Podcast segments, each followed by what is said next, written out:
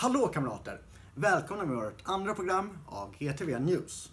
I det här programmet ska vi prata om nyheter från de senaste veckorna. Tanken är att vi ska vara en oberoende röst där vi ska tolka nyheterna utifrån ett fackligt perspektiv. Vi är aktiva i fackförbundet Seko. Jag heter Jenny Jonsson och det här är min co-host Viktor Risling. Idag ska vi prata om Europas parlament och den stora vinsten för svenska arbetare som har hänt där nyligen. Men först några kortare nyheter från veckan som har gått. Lokalt, här i Stockholm, har trafikregionrådet Kristoffer Tamsons från Moderaterna gjort ett par märkliga utspel den senaste tiden. Han har dels krävt att regeringen ska bilda en tunnelbanepolis som ska införa den så kallade stop and search-metoden. Det innebär att polisen inte behöver ha no någon som helst anledning till att stanna någon i tunnelbanan och göra en, en visitation. I andra länder där det här har hänt Eh, och införts så har det varit väldigt tydligt att metoden har missbrukats av polisen och majoriteten av de som har stoppats har haft invandrarbakgrund. Metoden har med andra ord utpekats som väldigt rasistisk.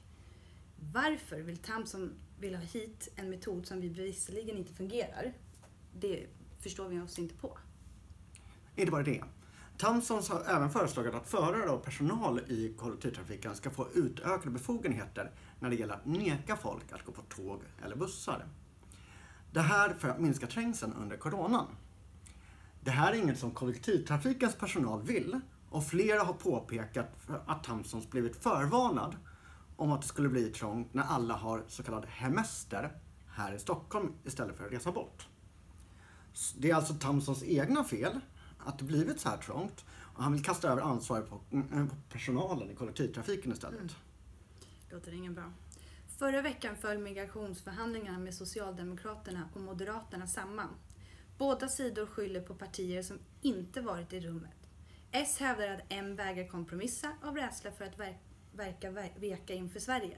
Demokraterna menar M hävdar att S inte vill riskera att göra sig ovänner med Miljöpartiet. Även C och L pekar på att M hela tiden vill bli mer och mer hård i migrationsfrågan under diskussionerna. Så det verkar vara det som är mest troligt, att det är Moderaterna som eh, vek sig för Sverigedemokraterna som var utanför rummet och inte då eh, att Socialdemokraterna har vikit sig för Miljöpartiet. Mm. I våra ögon är det fortfarande helt oförklarligt när man påbörjar den här diskussionen eftersom migrationen inte borde vara det ämne som man pratar om just nu. Nej. Mm. Det är lite märkligt det där. Vi har pratat om det förut och vi fortsätter prata om det. Nu ska vi läsa upp ett stycke eh, från Stefan Löfvens sida som handlar upp idag. Efter drygt fyra dygn av intensiva och tuffa förhandlingar har EUs stats och regionschefer till slut nått överenskommelse i det Europeiska rådet. Trots ett svårt utgångsläge har svenska intressen och prioriteringar fått stor genomslag. Sveriges EU-avgift har hållits nere. Rabatterna som Sverige får på vår avgift är de största någonsin. Och för första gången finns nu ett regelverk i EU där re re respekten eh, för rättsstatsprinciper kopplas till utbetalningar av gemensamma medel. Det är en stor förändring.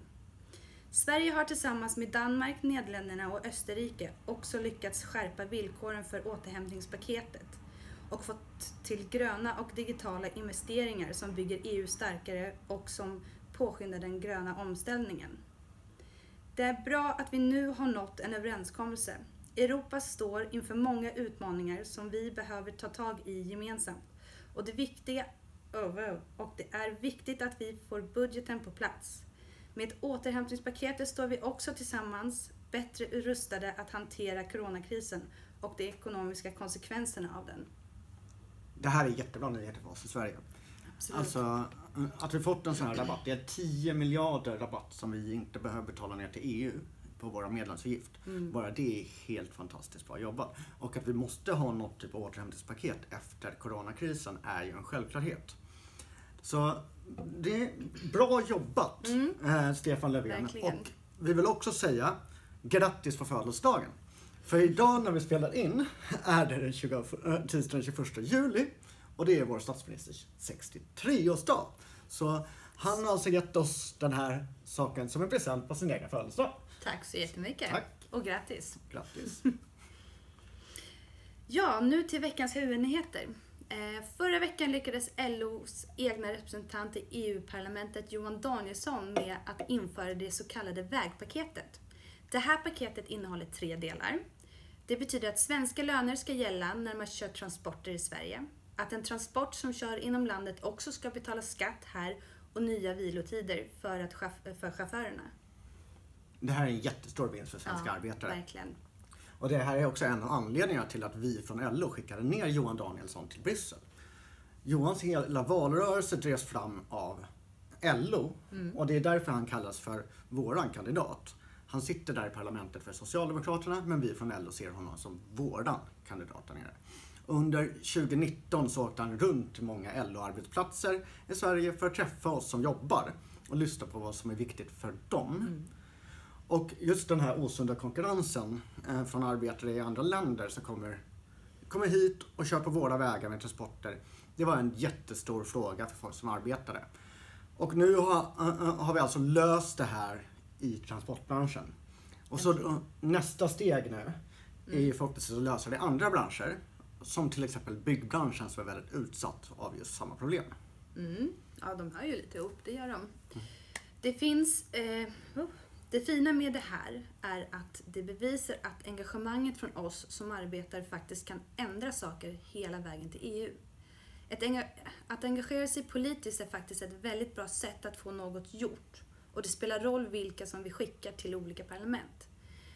Det är vi vanliga människor som får, fått Johan Danielsson att hamna i Bryssel och det är våra frågor som han driver. Så skall det också vara.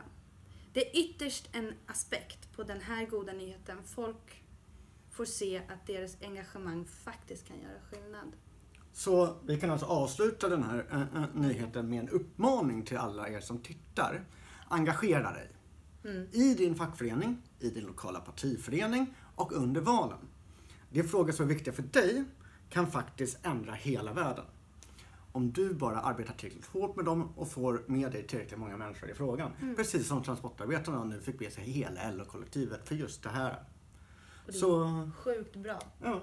I minsta mån som man också säger. Mm. Man måste inte göra allt men göra en liten bit, göra en viss liten skillnad. Alltså, det lilla räcker. Att bara visa intresse Exakt. väcker mycket frågor hos folk runt omkring. Och uh, bevisligen, det funkar. Alltså det mm. funkar att vi Eh, jobbar för en fråga, jobbar fram en kandidat som vi tror på mm. och som faktiskt levererar det han lovat oss.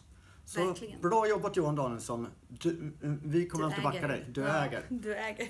och därmed är, det, är vi faktiskt eh, klara för. Eh, dagens nyheter. Mm. Som ni märker så kommer vi inte kunna släppa en gång i veckan som vi hoppades i början. Men det är lite... Sommartider, jag är inkallad på min semester till mm. exempel. Men vad gör det? Det här är jättekul.